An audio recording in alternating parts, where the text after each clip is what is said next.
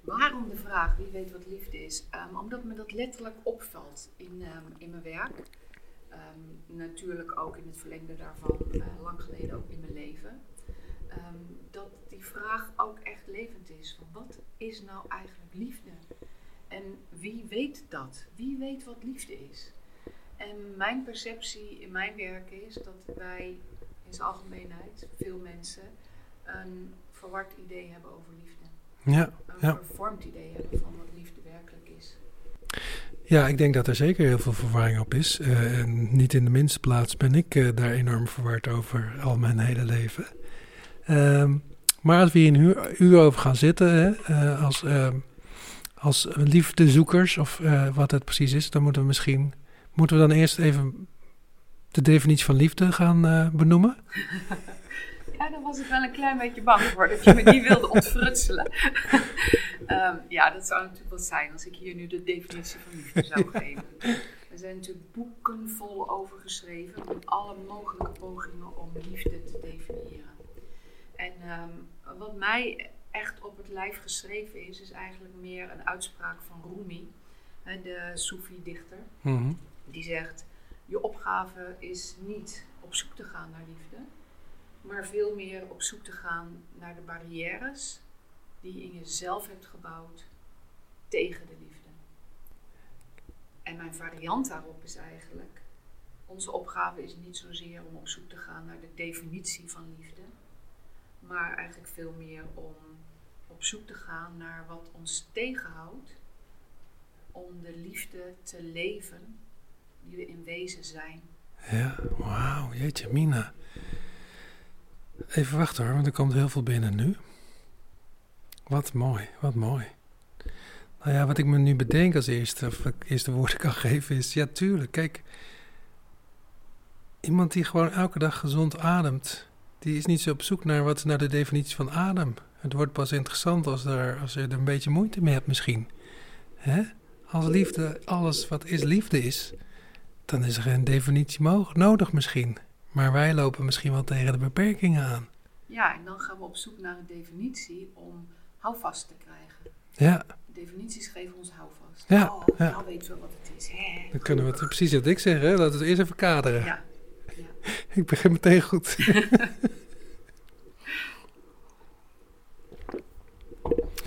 ja, ja. Mm, ja, ja, ja, prachtig. Uh, deze podcast is al geslaagd, joh. Dat is een korte podcast voor de kerst. een korte boodschap. Maar um, toch zijn we daar ons hele leven mee bezig. Want juist die beperkingen, die, uh, die komen natuurlijk genoeg tegen. Ja. ja. En hoe, hoe werk jij daarmee? Ja, um, nou eigenlijk op verschillende manieren. Ik heb uh, natuurlijk allereerst mijn eigen werkwijze die ik ontleend heb, die geworteld is in het werk van uh, de Duitse psychotherapeut Frans Rupert. Mm -hmm. En um, waarin ik werk met zogenaamde resonantieprocessen. En die resonantieprocessen, dat is een werkvorm waarin mensen eigenlijk een spiegel ontmoeten. Een spiegel ontmoeten van al datgene wat zich in de onderstroom bij hen beweegt. En waar we in het dagelijks leven niet zo gemakkelijk bewust de vinger op kunnen leggen. Mm -hmm. Dat is de werkwijze. Ja. Maar interessanter dan de werkwijze is eigenlijk het um, gedachtekader of het verklaringsmodel, de bril waarmee we kijken naar wat die werkwijze laat zien. En die wortelt in mijn werkwijze heel erg in um, hechtingstheorieën, ontwikkelingspsychologie en traumatheorieën. Dat zijn eigenlijk de drie grote pijlers waar mijn werk op gebouwd is. Ja, ja, ja zeker. Um, tenminste, want die bril kan ik me voorstellen, daar, daar zul je iets mee moeten gaan doen. Ja. Of tenminste, daar zit het thema. Ja, precies. Ja, want de bril die we opzetten, die maakt natuurlijk hoe we kijken naar onszelf, naar de ander, naar de wereld waar we in leven. En um, die bril die we opzetten, is natuurlijk een gekleurde bril. Die is gekleurd door onze ervaringen of inderdaad door ons theoretisch kader. En um, vaak ook gekleurd of gedeeltelijk geblindeerd door onze eigen blinde vlekken. En mijn ervaring is, ook voor mijn eigen leven, dat het ongelooflijk kan helpen als er iemand met je meekijkt die al een zekere helderheid heeft of waar je samen dat zoekproces van opheldering mee aan kan en durft te gaan. Mooi, mooi, mooi. Mooi, ja. hey, en ehm, wat, wat, wat, wat, wat, wat vormt zo'n bril? Ja, wat Zo'n blik. bril, ja. Ik, zit, ik blijf te veel op die bril hangen, maar Ja, dus, dus waar die blik waarmee we de wereld in kijken ook zo door wordt bepaald of beïnvloed, is natuurlijk door onze eigen levenservaringen. ja, Datgene wat we soms, meestal, al heel jong hebben ervaren. Ehm, en dat vormt zogenaamde imprints, zo, zo hele sterke indrukken, ehm, hele sterke malletjes eigenlijk, waardoor we ja, naar de wereld gaan kijken. ja, ja. En heel vaak zijn dat natuurlijk de hechtingservaringen. Ik zeg vaak, wie zichzelf wil begrijpen, moet zijn hechtingsgeschiedenis kennen.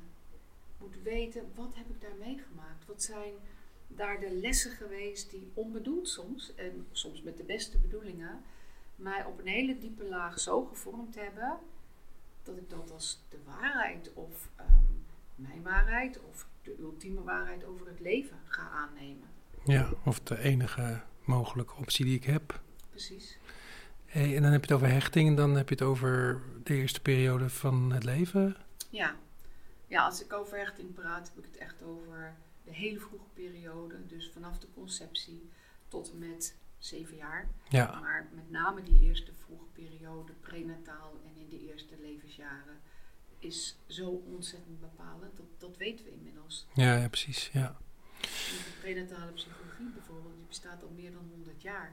Oh, wauw. En de laatste, het laatste decennium is dat opeens weer ontzettend in de belangstelling gekomen. Ja, ja. Maar een hele tijd ehm, toch een ondergeschoven kindje geweest. Ja, volgens mij was het zo van, hè, we, we zien nog geen mensje, dus dan eh, hoeven we er ook nog geen rekening mee te houden of zo, hè? Ja, en sterker nog, hè, die kleine afhankelijke kindjes, ja, dat zijn nog onbeschreven bladen en eh, die Ah, hebben ja, hun eigen ja. behoeften enzovoort. Dus we kunnen daarmee doen wat ons goed doet. Ja, ja. Nou goed, ik bedoel, we leven en we leren. Hè? Vroeger dacht men daar anders over, dus het is wat het is. Hey, en ehm, ja, nou ja, ik moet denken aan een, een, iemand die ik ooit gehoord heb, die had een mooie definitie van liefde, eh, als in, hij vergeleek het met ganzen. Hij zei als ganzen uit de, uit de ei komen en het eerste wat ze zien wat beweegt, dat is hun moeder. Mm, En daar lopen ze dan achteraan. Mm, En er was ook zo'n film van dat iemand eh, dus voor die ganzen een moeder was geworden. En toen ging die met ze met een deltavlieger naar het zuiden of zo. Maar goed, de metafoor is dat wat wij in de eerste levensjaren zien als liefde, dat is wat ons paradigma, onze bril wordt. En dat gaan we dan in de rest van het leven najagen. En als die liefde dus de eerste jaren beschadigd of, of gewelddadig of wat dan ook is, dan krijg je dat terug op je bordje in je zoektocht naar de liefde. Ja, Of vind je dat? Ja. ja. ja en, en voor mij gaat daar ook nog iets aan vooraf eigenlijk. Ehm, ehm, ik denk dat wij als mensenkinderen ehm, eigenlijk liefde zijn. Liefde, we komen denk ik ter wereld als liefde, licht, wezentjes. En dat kan je spiritueel zien, en dat weet ik niet zo goed. Ehm, je kan het ook heel aards zien, want je kan het namelijk zien aan wat een jong, pasgeboren mensenkind oproept in zijn omgeving. Als iedereen die een kamer binnenkomt waar een pasgeboren kind is, die gaat verzachten, die gaat doen wat jij nu doet op je gezicht. Je- je- Ik zie jouw gezicht gaan stralen, je ogen worden zacht. Ja. Dat is exact wat er gebeurt als wij een pasgeboren mensenkindje zien. Dus dat wezentje is van zichzelf in staat om dat op te wekken bij alle mensen in zijn omgeving. ja, mooi. Hoeft hij niks voor te doen. Nee, hoeft Alleen maar te zijn. voor te doen. De verschijningsvorm, de, de, de gewoon wie wat het is, doet dat. En alles wordt licht en iedereen gaat zachter praten en er komt een atmosfeer van tederheid, van, van een hart wat zich opent naar alle mensen in de omgeving. Ja, Dat zijn wij dus eigenlijk. En het bijzondere is, dan komen we in die mensenwereld. Maar we weten nog niet hoe het daar gaat. Dat moeten wij nog leren van mensen. Hoe gaat dat liefde zijn in de mensenwereld?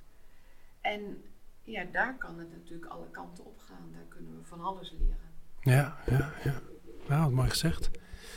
Ehm, ja, ik denk dan weer een gekke kronkel in mijn hoofd. Denkt van, hé, hey, je hebt tegenwoordig dat ze mensen uh, huisdieren op het werk.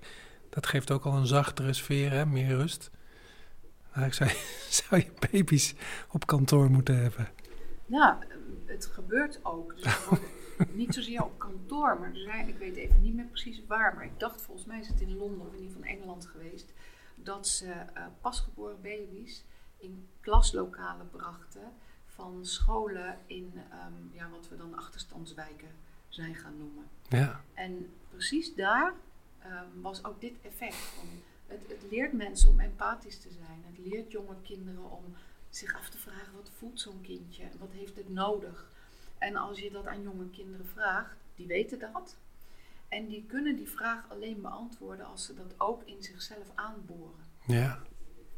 Dus je kan je voorstellen wat een leereffect dat heeft als het gaat over sociale vaardigheden, als het gaat over het openen van je hart en het leren van empathie. Ja, ja en natuurlijk is dat makkelijker te leren je eigen empathie van een baby dan van een, uh, iemand die te lang voor het stoplicht stilstaat in de auto voor je, bijvoorbeeld. Ja, ja. ja. Wauw. En eigenlijk ook van, van dieren, die roepen ook misschien wel meer empathie op, hè? En ook jonge dieren natuurlijk. Ja, dat zie je natuurlijk heel veel op dit moment ook, van hoe vaak um, dieren ook worden ingezet in therapeutische processen. En um, bijvoorbeeld ook voor mensen die, die in die hechting vroeg en ernstig beschadigd zijn, um, is het soms makkelijker om een dier te gaan vertrouwen of via de omgang met een dier weer deze gevoelens in jezelf te durven te gaan vertrouwen, dan um, van een mens die te moeten leren. Ja, ja. Hey, en het komt vaak terug in de podcast hoor, dit, dit, hè, begin van het leven en de hechtingsproblematiek die eruit komt. Ja, misschien is het wel het universele thema ook, hè? Is misschien een beetje een rare vraag, maar wat maakt dat die hechting dan zo belangrijk is? Ja, nou ja, ik, ik, zoals ik net al zei, hè, van we moeten eigenlijk nog gaan leren hoe gaat dat in het mensenleven. We, we kennen dat universele gevoel, blijkbaar, ja, ja. zoals we ter wereld komen. Um, en we moeten dan nog gaan leren dat handen en voeten te geven in de mensenwereld. En daar zijn we nog onervaren in. Dat is wat we nog moeten gaan doen en ontdekken en wat ons voorgeleefd moet worden. En wat we daarvoor nodig hebben, naar mijn idee, is dat, dat we herkend worden dat we zo jong als we zijn herkend worden in de liefde en het licht wat we meebrengen, wat we zijn. Ja, ja, ja. En wat daar um, soms gebeurt, is dat door datgene waar volwassenen inmiddels in zitten, stress, verdriet, rouw, eigen traumatiseringen, hardheid van het leven, um, is het niet altijd mogelijk dat we die bevestiging krijgen, dat we herkend worden. En hoe hoe weten we dat we herkend worden? Door de lichtjes in de ogen van ouders. Hmm. Van een vader of een moeder die contact maakt en die met heel die body en met de lichtjes in hun ogen uitstraalt: Wauw, jij bent om lief te hebben. Hmm. Wauw, ik krijg licht en plezier en liefde in mij als ik naar jou kijk. En ik denk dat dat eigenlijk de belangen, het belangrijkste begin is van ons weten hebben van liefde in de mensenwereld. Ja, en dat is misschien eh, het eh, gevoel wat mensen hebben dat ze zich gezien voelen. Ja. Maar je haalt ook het lichaam erbij, hè? dus ook Ja. dat, je, dat je lichaam mee ziet of kijkt. Ja. Hè? Als, Ja, want in, het, in dat hele vroege begin ehm, eh, is vooral die body awareness, hè, zo de, de, de- het lichaamszijn eigenlijk hè, van een jong kind, is gewoon het eerste begin. ja, Een kind voelt lust of onlust, voelt dit doet me goed of dit doet me geen goed. ja, Iets anders heeft het nog niet. En ehm, dat zit in hoe het aangeraakt wordt, hoe het verzorgd wordt. Is dat mechanisch, is dat functioneel, is dat pijnlijk of is dat liefdevol, koesterend, respectvol? Jouw leven, jouw zijn op waarde schattend of niet. En dat, voelt een kind, dat zijn de indrukken die je meekrijgt en waarin je iets leert over liefde. ja. mooi, mooi. Ik heb een zoon van acht en eentje van negen, dus ik ben daar zelf eh, bewust mee bezig ook. Nou uh, zijn we dus de eerste zeven jaar al voorbij, dus wat ik daarin heb uitgesproken, uh, dat zit er al ingeprint. Uh, maar ik heb het, vind ik zelf, redelijk goed gedaan als ik kijk hoe ik, hoe ik vind dat ik ben opgevoed. Hmm. En dan moet ik ook weer eerlijk zijn naar mijn ouders toe, die dat ook weer stukken beter hebben gedaan zoals zij zijn opgegroeid. Hè? Dat, het, ik heb altijd de hoop of het idee dat we het elke generatie een beetje beter doen. Maar je ziet natuurlijk wel dat een conflict van hechting uh, met de ouder ook natuurlijk iets vraagt van de, ja, het vermogen om te hechten van de ouder. Hè? Mm. Dat, daar zal het misschien wel het meest misgaan. Of hoe zie jij dat? Ja, het vermogen om te hechten en het vermogen om in zichzelf verbonden te zijn met zichzelf, met alles wat er is. Dus, dus als ouders zelf ergens pijn hebben, misschien uit de hechtingsrelatie die zij met hun ouders hebben, misschien op een andere manier opgelopen in het, uh, in het leven. Uh, bijvoorbeeld, hè, sommige mensen hebben veel uh, lichamelijk lijden gehad, als kind al in ziekenhuizen gelegen. Ja, ja. En hebben bijvoorbeeld in hun lijf de herinnering dat aanraking zeer is of onaangenaam. Mm, ja. Ik ben zelf met een partner getrouwd die als babytje um, al in een ziekenhuis gelegen heeft en geopereerd is. En in het begin van onze relatie uh, merkte ik dat als ik dan bijvoorbeeld langzaam liep als hij aan tafel de krant zat te lezen en ik raakte hem gewoon even zo liefkozend aan, dan ging dat lichaam altijd in de schok van ja. alsof, alsof ik hem zeer deed. Ja. En later ben ik pas gaan begrijpen waar dat mee te maken heeft. Uh, maar als je met dat soort onverwerkte pijn en herinneringen aan pijn rondloopt uh, in je ouderschap, dan kan dat zonder dat je het wilt en zonder dat je het bedoelt wel een rol gaan spelen. Ja, waar jij ja. bijvoorbeeld jouw kinderen weer benadert. Ja, want dan heb je als ouder de imprint uh, ergens in ieder geval. Aanraking is niet Ja. helemaal oké. Ja. En ik besef me nu eigenlijk dat dat niet altijd... Het kan dus ook door gewoon externe dingen als... Of tenminste ook met, met, je, met je lijf. Bedoel, kan je nog hele liefkozende ouders hebben. Maar als jij als kind in het ziekenhuis hebt gelegen of iets gehad hebt... dan is dat, is dat natuurlijk al geraakt, dat deel. Ja, En, en zo zijn er eigenlijk heel veel voor, voorbeelden. We werken bijvoorbeeld ook heel veel met vrouwen die, die ehm, eh, seksueel getraumatiseerd zijn. En ehm, soms zie je dat als zij dan zelf een, een kindje krijgen van het mannelijk geslacht, hè, als ze door een man zijn getraumatiseerd, dan zie je soms dat ze onbewust en onbedoeld en hoe lief ze ook hun eigen kind hebben, toch iets van hun eigen onverwerkte beelden van mannen of beelden van ehm, mensen van het mannelijk geslacht overdragen op hun kind, hun, hun kleine jongetje. ja, En niet omdat ze het willen en niet omdat ze bewust daaraan denken als ze hun kind verzorgen, maar soms wel onbewust. En voor een kind is dat te voelen, onbewust, aan de manier waarop hij of zij aangeraakt wordt, bekeken wordt, verzorgd wordt, geliefd wordt. Ja, ja. Hey, en, en deze mensen die soms... Of bijvoorbeeld, als het voorbeeld als jij geeft, hè, van mensen die seksueel eh, trauma mee hebben gemaakt... dan zie je ook vaak terug dat die op een bepaalde manier die onveilige eh, gebieden weer opzoeken. Hè? En in, in, in gewelddadige relaties komen of, of in ieder geval met onveilige seksualiteit eh, daarin blijven of terug gaan hangen of komen. Ja. Hoe, eh, hoe verklaar jij dat? Ja, dat is een mooie vraag. Ehm, dat zien we inderdaad heel vaak. Hè? En dan soms hebben ze weer een nieuwe relatie. En dan zeggen ze van, oh, maar deze is echt heel anders. En dan denkt de hele omgeving, oh, Ja. help, dit gaat dezelfde kant weer op. Ja, Hè? En blijkbaar hebben we daar soms een blinde vlek voor. ja, En die blinde vlek heeft te maken met als we de pijn wegstoppen.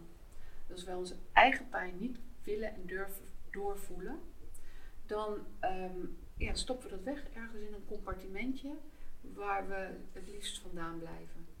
En alles wat we dan doen in het leven, beweegt zich daarvan af. Liever niet daaraan raken en niet daarbij komen. Dus het betekent ook dat we blind zijn. ja, We nemen die ervaringen dan niet mee in wat we zouden kunnen herkennen in de wereld. ja, En eh, in, in onze um, traumabenaderingen benoemen we het vaak als een re-inscenering. Hmm. We blijven net zo lang in scène zetten wat eigenlijk in ons een onvoltooide ervaring is. We hebben die ervaring nooit echt helemaal afgemaakt. Die ervaring is schokkend geweest. En in die schok zijn we stil blijven staan en bevroren. Ja, ja, ja. En dan gaan we met dat beeld de wereld door. En heel vaak leven we de liefde die we geleerd hebben. Dus ook de misvormde liefde. Ja. Ook de liefde die gebaseerd is op voorwaarden of op hardheid. Ja. Dus wat wij moesten inlossen bij anderen. Het is best bijzonder hè, dat je inderdaad in die schok blijft zitten en dat daar dus weer mensen in voorbij komen.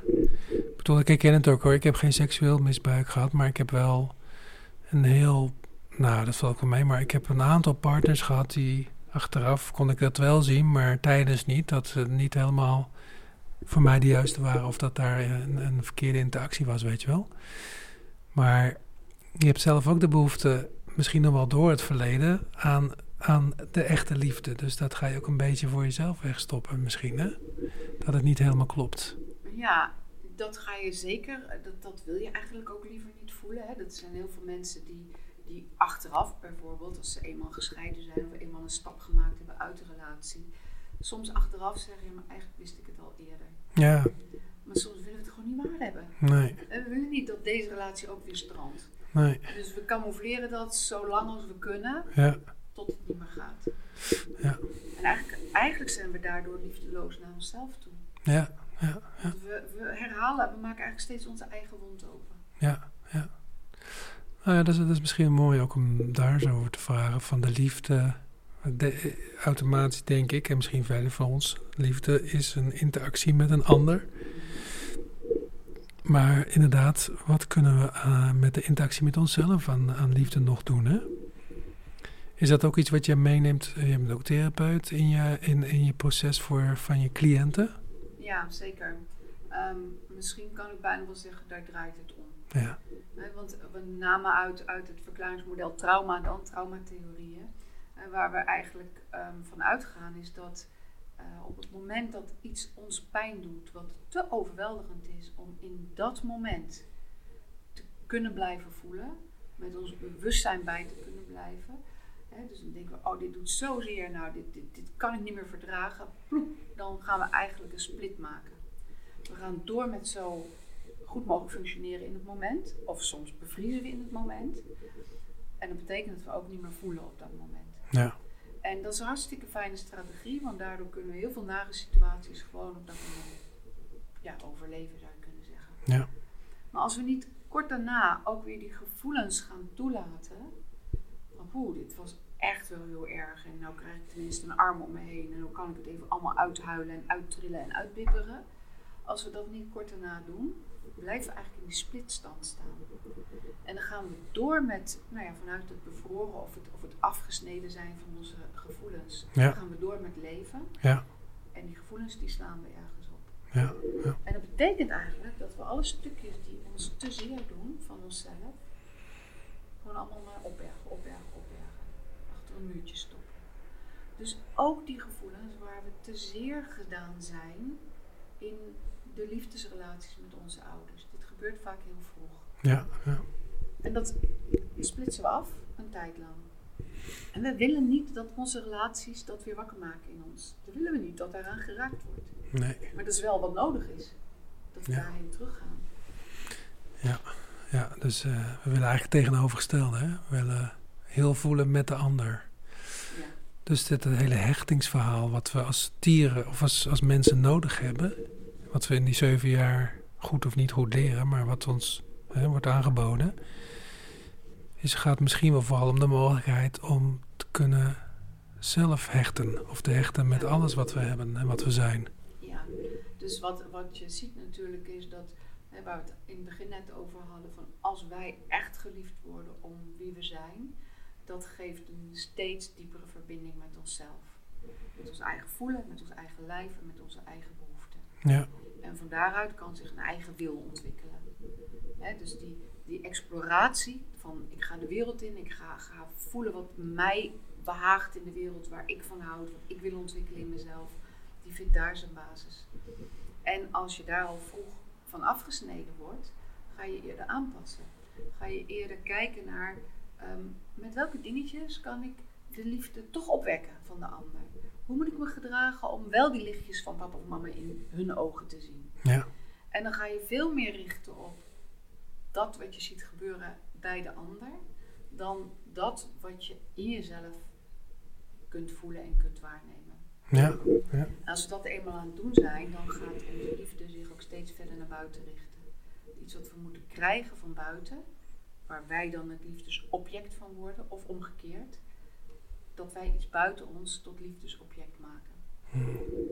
En als je ziet dat mensen weer verder ehm, in hun ontwikkeling zijn en die wonden um, hebben geheeld, verder in de ontwikkeling zeg ik eigenlijk niet goed, ehm, maar, maar een andere blikrichting hebben gekregen, dan worden ze zich bewust van hé, hey, ik moet het niet langer naar buiten richten.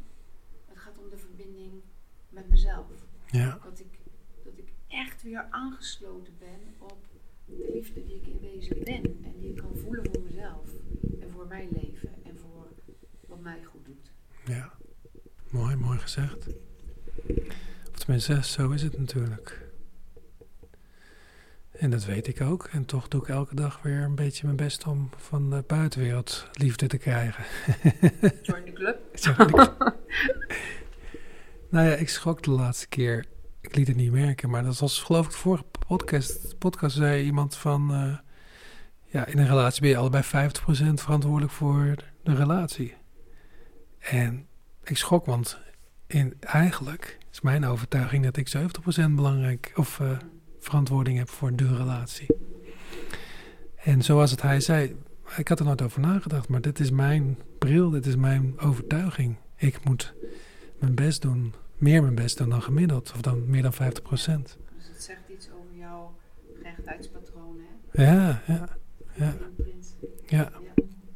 Nou ja, dat klopt ook wel. Ik moet, uh, hè, ik moet van mezelf dus uh, iets doen, iets laten zien. Ik weet begot niet wat, hè.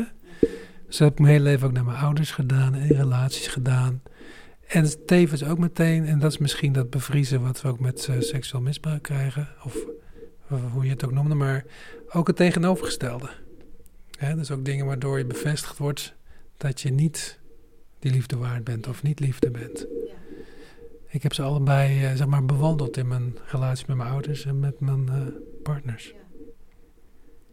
Ja, dus, dus bijvoorbeeld, hè, en ik noemde het voorbeeld van seksueel trauma, maar het kan ook een oorlogstrauma zijn. Ja. Dus we kennen bijvoorbeeld ook voorbeelden van dat, dat een vader in een oorlog is geweest en um, dat, dat kinderen als het ware door het huis lopen alsof ze steeds door een mijnenveld lopen. En Hmm. voordat je het weet, kan er ergens een bom ontploffen. Kan een vader of, een moeder, maar meestal zijn het uit de oorlog toch vaders, um, die, die uh, ja, getriggerd worden in hun oorlogservaringen zonder dat ze zich dat bewust worden en explosief reageren naar kinderen toe. En um, het kan zoveel zijn waardoor we indirect de boodschap hebben gekregen als ik mijn boosheid laat zien, of als ik mijn kracht laat zien, of als ik laat zien um, um, waar ik behoefte aan heb of wat mijn wil is, dan triggert het dat iets in mijn ouders, waardoor ik afwijzing krijg of waardoor de hele omgeving onveilig wordt. En kinderen hebben daar zulke fijne antennetjes voor.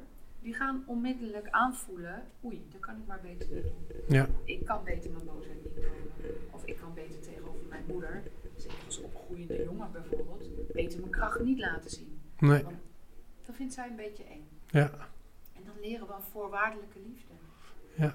Dan leren we dit stukje van mij ah ja, als ik het laat zien, gaat zij dat wel lief hebben of gaat hij dat wel lief hebben. Maar van dit stuk kan ik erop rekenen dat ik geen liefde ontvang. Hmm, ja, ja. Hey, en de, de, vraag van deze podcast is, in, is inderdaad wie weet wat liefde is. Uh, ik zou een grapje maken en zeggen, als we de vraag hadden gezegd, wie weet wat uh, voorwaardelijke liefde is, dan, uh, dan, dan zou ik mezelf wel als expert kunnen oproepen. Ja. ja. Maar zo zijn er waarschijnlijk heel veel mensen hè, die ja, dat denk ik ook. hebben geleerd ja. om voorwaardelijk geliefd te worden. Ja. Daarom is het ook bijvoorbeeld het onderwerp waar, waar ik heel graag over nadenk, um, over lees, uh, van leer in mijn werk, maar vooral ook van geleerd heb voor mijn eigen processen. Ja, ja, ja precies. kan echt, uh, ja, de interessegebieden van mensen komen heel vaak wel ergens vandaan natuurlijk. Ja, zeker, ja. ja. En ik denk dat het mooie, ook gelukkig het hoopvolle is, dat we daaronder, diep van binnen, allemaal weten wat werkelijk liefde is. Hmm. En dat dat ook eigenlijk onze zoektocht is. Ja. En dat we ergens in onszelf hebben we daar een weet van. En komen we soms een half leven lang tegen. Ja, maar, maar, maar dit is het toch niet? Dit is toch iets anders? Eigenlijk, liefde. Ja, ja. En daar gaan we naar op zoek, hopelijk. Ja. Ja, precies. En daar hebben we een, een aardige tijd uh, mogen we daarvoor gebruiken om dat te ontdekken. Hè? En we kunnen het overal denken te vinden in succes, in geld, in Ja. seks, alles. Ja. In de ander, in kinderen krijgen. Er Ja. zijn zoveel manieren waarop we uiteindelijk proberen om de disconnectie, de verbroken verbinding met, met die diepe liefde die we zijn, om die te herstellen. Maar dat doen we eerst altijd via de buitenweg. Ja. Om te ontdekken, hé, maar daar vind ik het niet echt. Ja. Ja. Hoe fijn het ook is om lieve mensen om je heen te hebben en lieve kinderen te hebben en een lieve ouder te kunnen zijn voor je kinderen. Hè? Ik bedoel, Ja, dat ja, is ja. gelukkig ook. Nou ja, precies. Maar een lieve ouder zijn betekent dus eigenlijk ehm, ook de verantwoordelijkheid om in jezelf ook met dat stuk aan de slag geweest te zijn of te zijn. Ja.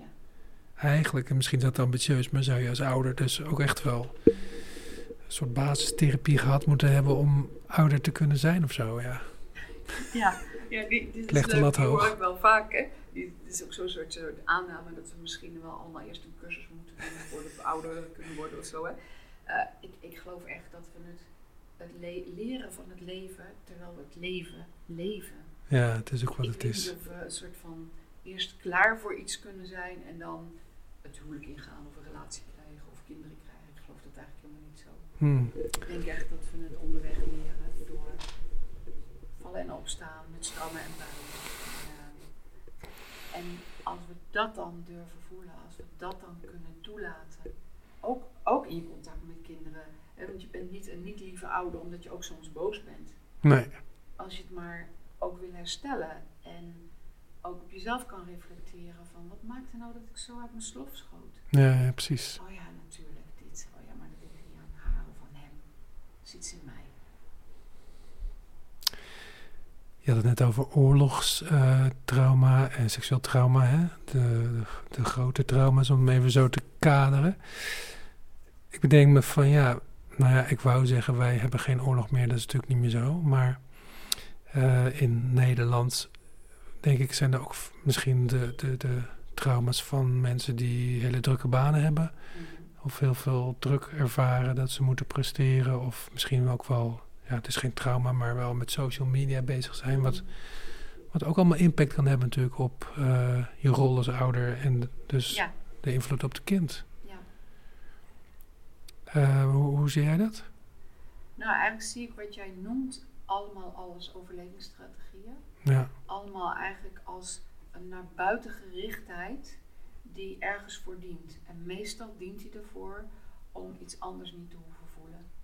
Bijvoorbeeld de leegte in jezelf niet. Of de onvervuldheid. Hè? Dus heel veel mensen in, in hoe wij het leven leven, staan sommige mensen best weinig eens stil. Gewoon Hmm. stil. Om dan te voelen wat er te voelen is. En, en daar biedt onze manier van leven ook ongelooflijk veel kansen toe om alsmaar bezig te zijn. En ik zie dat eigenlijk al als overlevingsstrategieën van wegbewegen van iets diepers wat daaronder ligt. ja, Dus een uiting van niet verbonden zijn met onszelf. En voor kinderen is een ouder die niet verbonden is met zichzelf eigenlijk een ouder waar het kind vaak in de leegte grijpt. Dus het kind reikt uit, het kind geeft signalen af, het kind doet een beroep, ook onuitgesproken signalen af. En een ouder die voldoende verbonden is met zichzelf, pikt dat op. Hmm. Maar als we niet zo verbonden zijn met onszelf en steeds in dat uiterlijke leven, worden we ongevoeliger voor die signalen die kinderen uitzenden. ja. Worden we minder empathisch. Ja. En, en daarmee lopen we het risico dat we kinderen op een andere manier traumatiseren. Ja, ja. Namelijk dat ze veel te veel alleen zijn Ja, in overweldigende ervaringen. ja. Ja, ja, ja. Ja, ik moet altijd denken aan het moment dat ik mijn zoon, en die was toen denk ik drie of zo, of twee. Nee, had nog luiers om, misschien nog jonger. Dat is een s- een schrikbeeld wat ik af en toe terugkrijg krijg als we het over dit soort dingen hebben. Die lag op zo- zo'n mo- zo'n zo'n verzorgd dingetje, weet je wel. En ik was een luier aan het verschonen. En toen schoot ik heel erg uit mijn slof, want het ging niet goed. Maar het ging niet goed met mijn werk en zo, weet je wel. Maar Mm. dat, dat jochie, dat wou niet meewerken met zijn luier. Dus toen werd ik heel erg boos. En dus die zag ik hem heel erg van schrikken. En dat moment, dat onthoud ik altijd. Want ik, ben, ik denk van ja, dat, hè, dat moet ik later met hem delen. Dat is het moment waarop hij getraumatiseerd raakte. Mhm, mhm. Ehm, maar goed, dat was inderdaad het moment dat ik met alle werk... Ja goed, elk leven heeft natuurlijk stress en dingen en spanningen die je ook Ja. meeneemt in je relaties. Ook naar je kind natuurlijk. Zeker. En, en ja, fijn dat je zo'n voorbeeld noemt, want ehm, ehm, niet elke keer dat een ouder uit zijn slof schiet is traumatiserend voor een kind. Oké. Want waar het vooral mee te maken heeft, is de mate waarin iets hersteld wordt. Ouders zijn mensen. Hmm. En, en het, is, het is echt onmogelijk als we van onszelf of van ouders gaan eisen dat we 100% geduldig, liefdevol, afgestemd enzovoort zijn op een kind. Dat kunnen we niet. We zijn mensen. Oké. En de mate waarin, wanneer zoiets gebeurt, er ook herstel plaatsvindt, die doet er heel veel toe. Hmm. Als mensen langere tijd in zo'n toestand zijn als jij beschrijft, dan is het mogelijk ook moeilijk om het te herstellen, omdat je zelf overbelast bent. Ja, ja, ja. En daarmee is het ook wel precies een voorbeeld van wat ik bedoel. Want als we een goede connectie met onszelf hebben, voelen we eigenlijk ben ik overbelast. Als, als ik zo doorga, gaat dat ten koste van wat werkelijk belangrijk is in mijn leven. Mijn eigen gezondheid, of mijn relatie met mijn partner, of mijn relatie met mijn kinderen. ja, Het vaderschap wat ik heb. ja. En, en als we wel geconnect zijn, dan schrik je van zo'n moment, wat jij ook zegt. En dan ben je verbonden met jezelf en dan doe je dat en dan, dan schrik je van je eigen reactie. En neem je kind op en dan zeg je van, oh, maar sorry hoor, want het was wel heel hard. Hè? Ik zie dat je geschrokken bent, enzovoort, enzovoort. En dan troost je een kind, hou je tegen je lijf aan. Kan het kind voelen dat jij er ook verdriet om hebt. Hmm. En, en dat zijn herstelbewegingen die er ongelooflijk toe doen Hmm, om mooi, niet volmaakt te zijn. mooi. Nou, ik weet eigenlijk niet eens hoe ik daar verder mee om ben gegaan. Maar nou ja, dan kan ik dit ook wat meer eh, met zachtheid voor mezelf. eh. Ja. Ehm, ik dacht altijd, dit ga ik onthouden voor later. En dan kan ik zeggen, ja jongen, op 23 augustus 2000 zoveel heb ik jouw luier verschoond. En toen schoot ik ongelooflijk uit mijn slof. Ja. Sorry. En, en overigens, wat jij nu beschrijft, dit doet er wel toe. Hè? En, en jij maakt het nu heel gedetailleerd aan dat moment. Maar soms is het een periode in een, in een leven waarvan je achteraf weet... Oh, toen was het zo spanningsvol in mijn leven.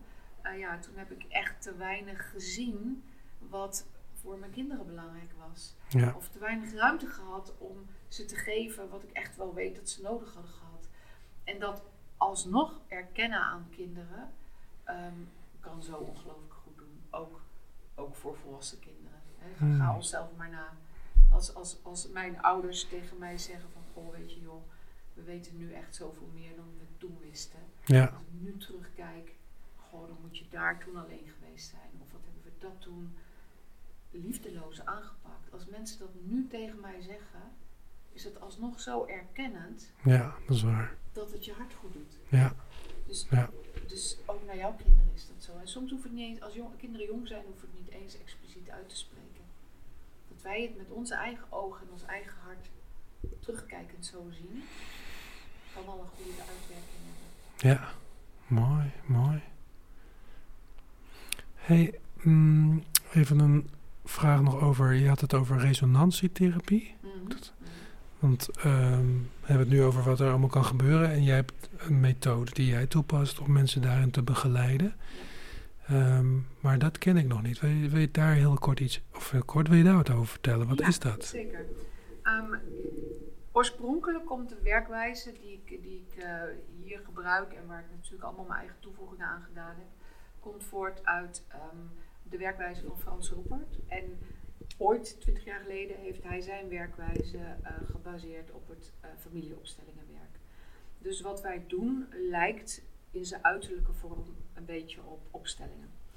Um, wat we eigenlijk in onze werkwijze doen, is dat we mensen vragen: wat is jouw verlangen? En iemand zegt bijvoorbeeld: ik wil liefdevol met mijn kinderen omgaan als verlangen. Dan laten mensen dat vaak opschrijven. En als ik in een groep werk, um, vraag ik dan vaak: met welk woord zou je willen beginnen? Welk woord zou je nader willen onderzoeken van dit verlangen? Want wij gaan ervan uit dat die woorden, um, die zijn een soort oppervlaktelaag. Zoals wij dat in een zin zeggen, is een oppervlaktelaag. Maar al die woorden zijn voor jou verbonden met een diepere betekenis. Met ervaringen die voor jou het woord inkleuren zoals het alleen voor jou ingekleurd kan worden. En als je een verlangen hebt waarmee je bij een therapeut komt werken, is het ook eigenlijk altijd een verlangen wat je nog niet hebt gerealiseerd. Want anders zou je namelijk dat verlangen niet bij een therapeut gaan uitwerken, maar zou je dat gewoon aan het leven zijn. Hè? Dus het is de moeite waard om daar naar te kijken. En ehm, wat we dan doen is dat we uit de groep ehm, iemand laten kiezen, laten uitnodigen om te gaan resoneren met dat woord. Stel je voor dat verlangen is inderdaad, ik wil een liefdevolle relatie met mijn kinderen. Nou, iemand vraagt, wil jij resoneren met het woord liefdevol? Mhm. Als degene die daarvoor uitgenodigd wordt zegt, ja dat wil ik wel, gaan beide staan in de ruimte. En dan gaat het eigenlijk om, wat wordt je gewaar in je lijf? Dus jij gezegd hebt, ja ik wil daarop resoneren, hoef je eigenlijk alleen maar af te stemmen, wat word ik nu gewaar in mij? En het kan van alles zijn.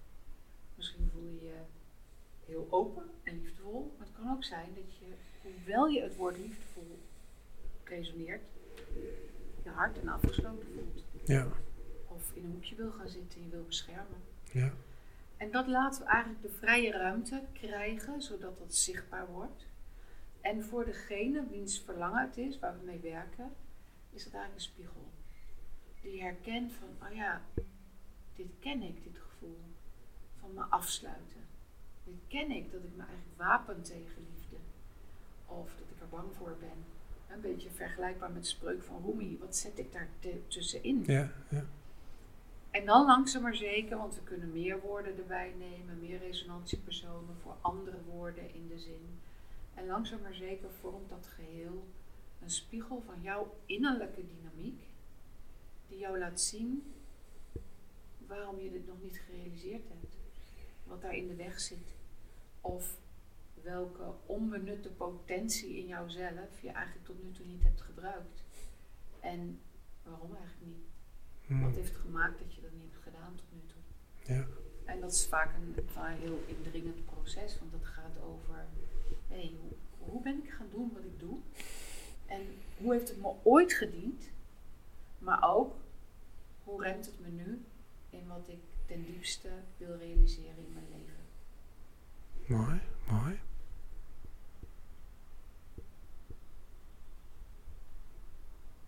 Ja. Ik vind ook wel de uitgangspunt, uh, wat je zegt, vind ik wel uh, een leuke. Van, um, niet van nou, ik heb daar en daar last van, maar juist van hoe kan ik nog meer mijn potentie leven? Of hoe kan ik misschien weer om terug gaan naar Romy die obstakels kleiner maken of in beweging brengen? Misschien is dat al uh, heel wat. Ja. ja, precies. Dat is mooi dat je dat zegt, want um, heel vaak zit het niet zo in de grote veranderingen. Heel vaak zit het, zit echt het begin van de verandering letterlijk in dat mensen hierbij stilstaan. En ook stil worden. En, en zo'n soort aha krijgen. Echt zo'n soort zien. Oh, zo doe ik dat. Wat herken ik dit in veel dingen in mijn leven. En dat dat eerst eens mag indalen. Zonder dat iemand alweer alternatieve gedragingen moet hebben gevonden. Nee, geef dat maar eens tijd. Ja. En het mooie is dan, dat, daar blijf ik me elke dag echt over verwonderen. Ook in mijn eigen processen. Ook in de processen met mensen die ik mag begeleiden. Dat die trilling echt in ons door laten werken, is het begin van een authentieke verandering. Niet een verandering waarvan je weet dat coaches of therapeuten of wie dan ook in het leven dat van jou verwachten. Ja. Maar een hele diepe, subtiele beweging die van binnenuit op gang komt. Ja, mooi. En die vraagt gewoon vaak stilte en, en tijd en ruimte. Ja. Zonder dat iemand iets doet. Mooi, mooi. Eh, je hebt over dat ze dan met een woord komen, of, of is het meer een zin? Ik ben benieuwd van, wat is het woord wat je het meest dan tegenkomt? Hmm. Nou, het meest, dat weet ik niet. Dat durf ik Of niet te vaak. zeggen. Nee. Ja, maar dit kan echt van alles zijn. Overigens eh, zeg ik nu een zin of een woord. Ehm, soms is het een tekening. Oh ja. Soms is het een droom. Soms hebben mensen zo'n indringende droom gehad. Dat ze zeggen, nou moet je nou eens horen. En dan bepalen we bijvoorbeeld wat de belangrijkste elementen uit die droom zijn voor hen. Of waar ze meest nieuwsgierig naar zijn. En dan werken we daarmee. En soms komen mensen alleen maar met drie of vier losse woorden. Zo van ja, ik, ik kan daar eigenlijk geen zin of verlangen van maken. Maar, maar het gaat hier en hier en hier en hier over. Hmm. En dan werken we daarmee. Mooi, mooi. Ik moet even niezen. We zitten al op de 45 minuten. Oh. Dus we gaan naar de afronding toe. Wat hebben we nog niet besproken? Wat, wat wil jij nog, eh, zijn er nog dingen die jij in de, deze gesprek wil meenemen?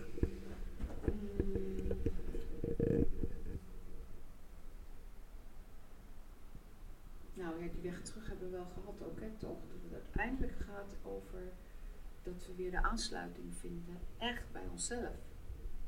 Bij wie we in wezen zijn, hè, dat, we, dat we liefde zijn. Mhm. Ehm, en het weer terug die aansluiting vinden, gaat niet zonder dat we ook pijn en verdriet durven te voelen die we hebben weggestopt. Ja, En onze hele ja, levenswijze in het Westen is eigenlijk zo gebaseerd op geen pijn voelen, geluk voelen, eh, instant succes en instant geluk. Dus het is ook wel een, een, ja, een andere manier van leven dan die ons zo dagelijks wordt voorgeschoteld. ja precies. Ja. Ik denk, eh, het is weer bijna kerst. Hè? Dan krijg je ook van die kerstfilms. en Love Actually, liefde is champagne en hartjes en mooie kerstbomen en grote hotels. Ja, ook. Maar liefde is ook feest. Of, maak je toegankelijk voor alle, alle shit die er ook is. Want het is er, het is er toch wel. En eh, het kan alleen gaan verrotten of kan gaan fermenteren als je er niet naar kijkt. Ja. Dus hoe liefdevol is het ook om dat soort delen van jezelf ook liefde te geven. Precies, Ja. precies dat. En weet je, jij speelde aan het begin op ehm, dat ik warm aangekleed ben. Onder andere dat ik een mutsje draag. Hè. En dat is omdat ik ehm, op dit moment in een behandeltraject zit ehm, om eh, tumoren die in mijn lichaam zijn aangetroffen terug te dringen. En ehm, weet je wat echt bijzonder is? Dat, eh, dat is natuurlijk ook pijn en Ja. angst en verdriet en zorgen voor mensen om je heen. Maar het bijzondere is dat ik in deze periode hoe ongelooflijk veel ik heb gehad aan de 20 jaar dat ik zelf ook dit werk voor mezelf gebruik. En voel hoe, hoe het zo naast elkaar kan staan, zo hand in hand kan zijn. Een ongelooflijke liefde en gedragenheid die ik ervaar door de mensen die mij omringen, Mhm. door de mensen die mij nabij zijn en ook laten voelen, ik ben jou nabij. Mhm. En, en tegelijkertijd ook wat pijnlijk en verdrietig is. Ja. En ik zei net van, je kan alleen maar weer in die verbinding met jezelf komen als je ook dat durft toe te laten. En andersom is ook waar, dat je dan ook gaat voelen hoe een veerkracht het geeft als je in die verbinding bent met jezelf, met Hmm. liefde. Want dan kan je ook wel de echte liefde voor mensen rond je heen toelaten. Ja. En ehm, ja, dat is heel bijzonder om te merken. Ja, mooi. Mooi gezegd. Nou ja, dan voel, ook, dan voel je misschien ook, dat weet jij beter dan ik, de, de liefde, dat de liefde je ook op een bepaalde manier kan dragen. Precies dat, Ja, precies dat. En dat zou ik vijf jaar geleden niet hebben kunnen ervaren. dan zou ik wel hebben kunnen zeggen dat er liefde, liefdevolle mensen om me heen zijn.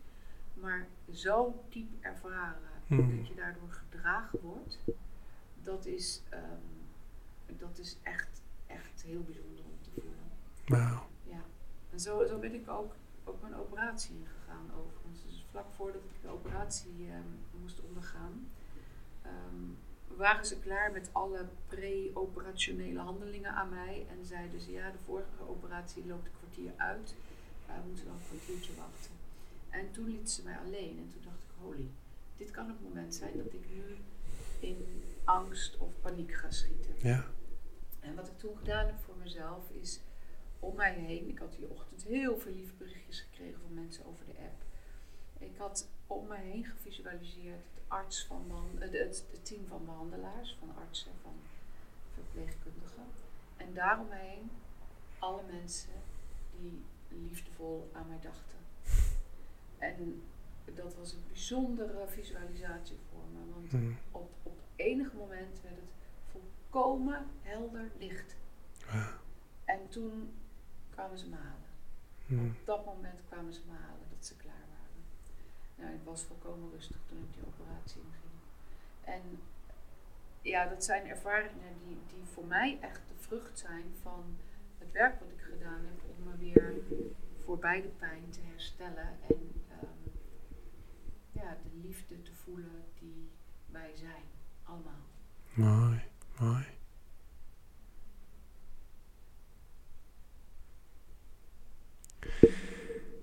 Mag ik nog twee dingen aan jou vragen? Zeker. Zou je nog een keer die, die spreuk willen eh, zeggen? Dat is vraag 1.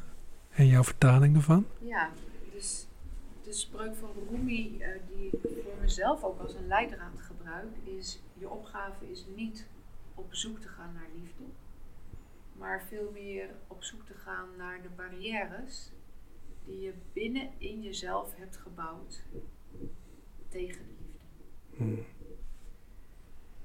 En als jij mij dan vraagt naar een definitie, dan is mijn, mijn variant op deze spreuk eigenlijk: onze opgave is niet zozeer om op zoek te gaan naar een definitie van wat liefde is, maar veel meer om op zoek te gaan naar datgene wat ons tegenhoudt om de liefde te leven die we in wezen zijn. Ja, ja. Wat houdt je tegen? En dat is een veel belangrijker, of misschien mooier of bruikbaardere eh, vraag dan eh, wie weet wat liefde is, hè? Ja, Wat houdt me tegen? Wat houdt me nu tegen ja. om mijn liefde te zijn? Dankjewel. En mijn allerlaatste vraag, omdat je toch ook al een tijd rondloopt in het vak. De standaardvraag, wat maakt een goed therapeut? Een therapeut die dit doorleefd heeft. Die zijn of haar eigen split zoveel als mogelijk bewust is. En dat zijn we nooit helemaal. Ik geloof zelf echt dat, dat we nooit klaar zijn. Dat je kan blijven leren van het leven en ondertussen dus ook ziet, ah, daar had ik ook nog een blinde vlek. Maar onze eigen blinde vlekken kunnen we niet waarnemen. Dus voor mij is een goede therapeut die dit blijft doen voor zichzelf. Hmm, Steeds opnieuw. mooi. Dankjewel. Jij ook, dankjewel. Wat een fijn gesprek.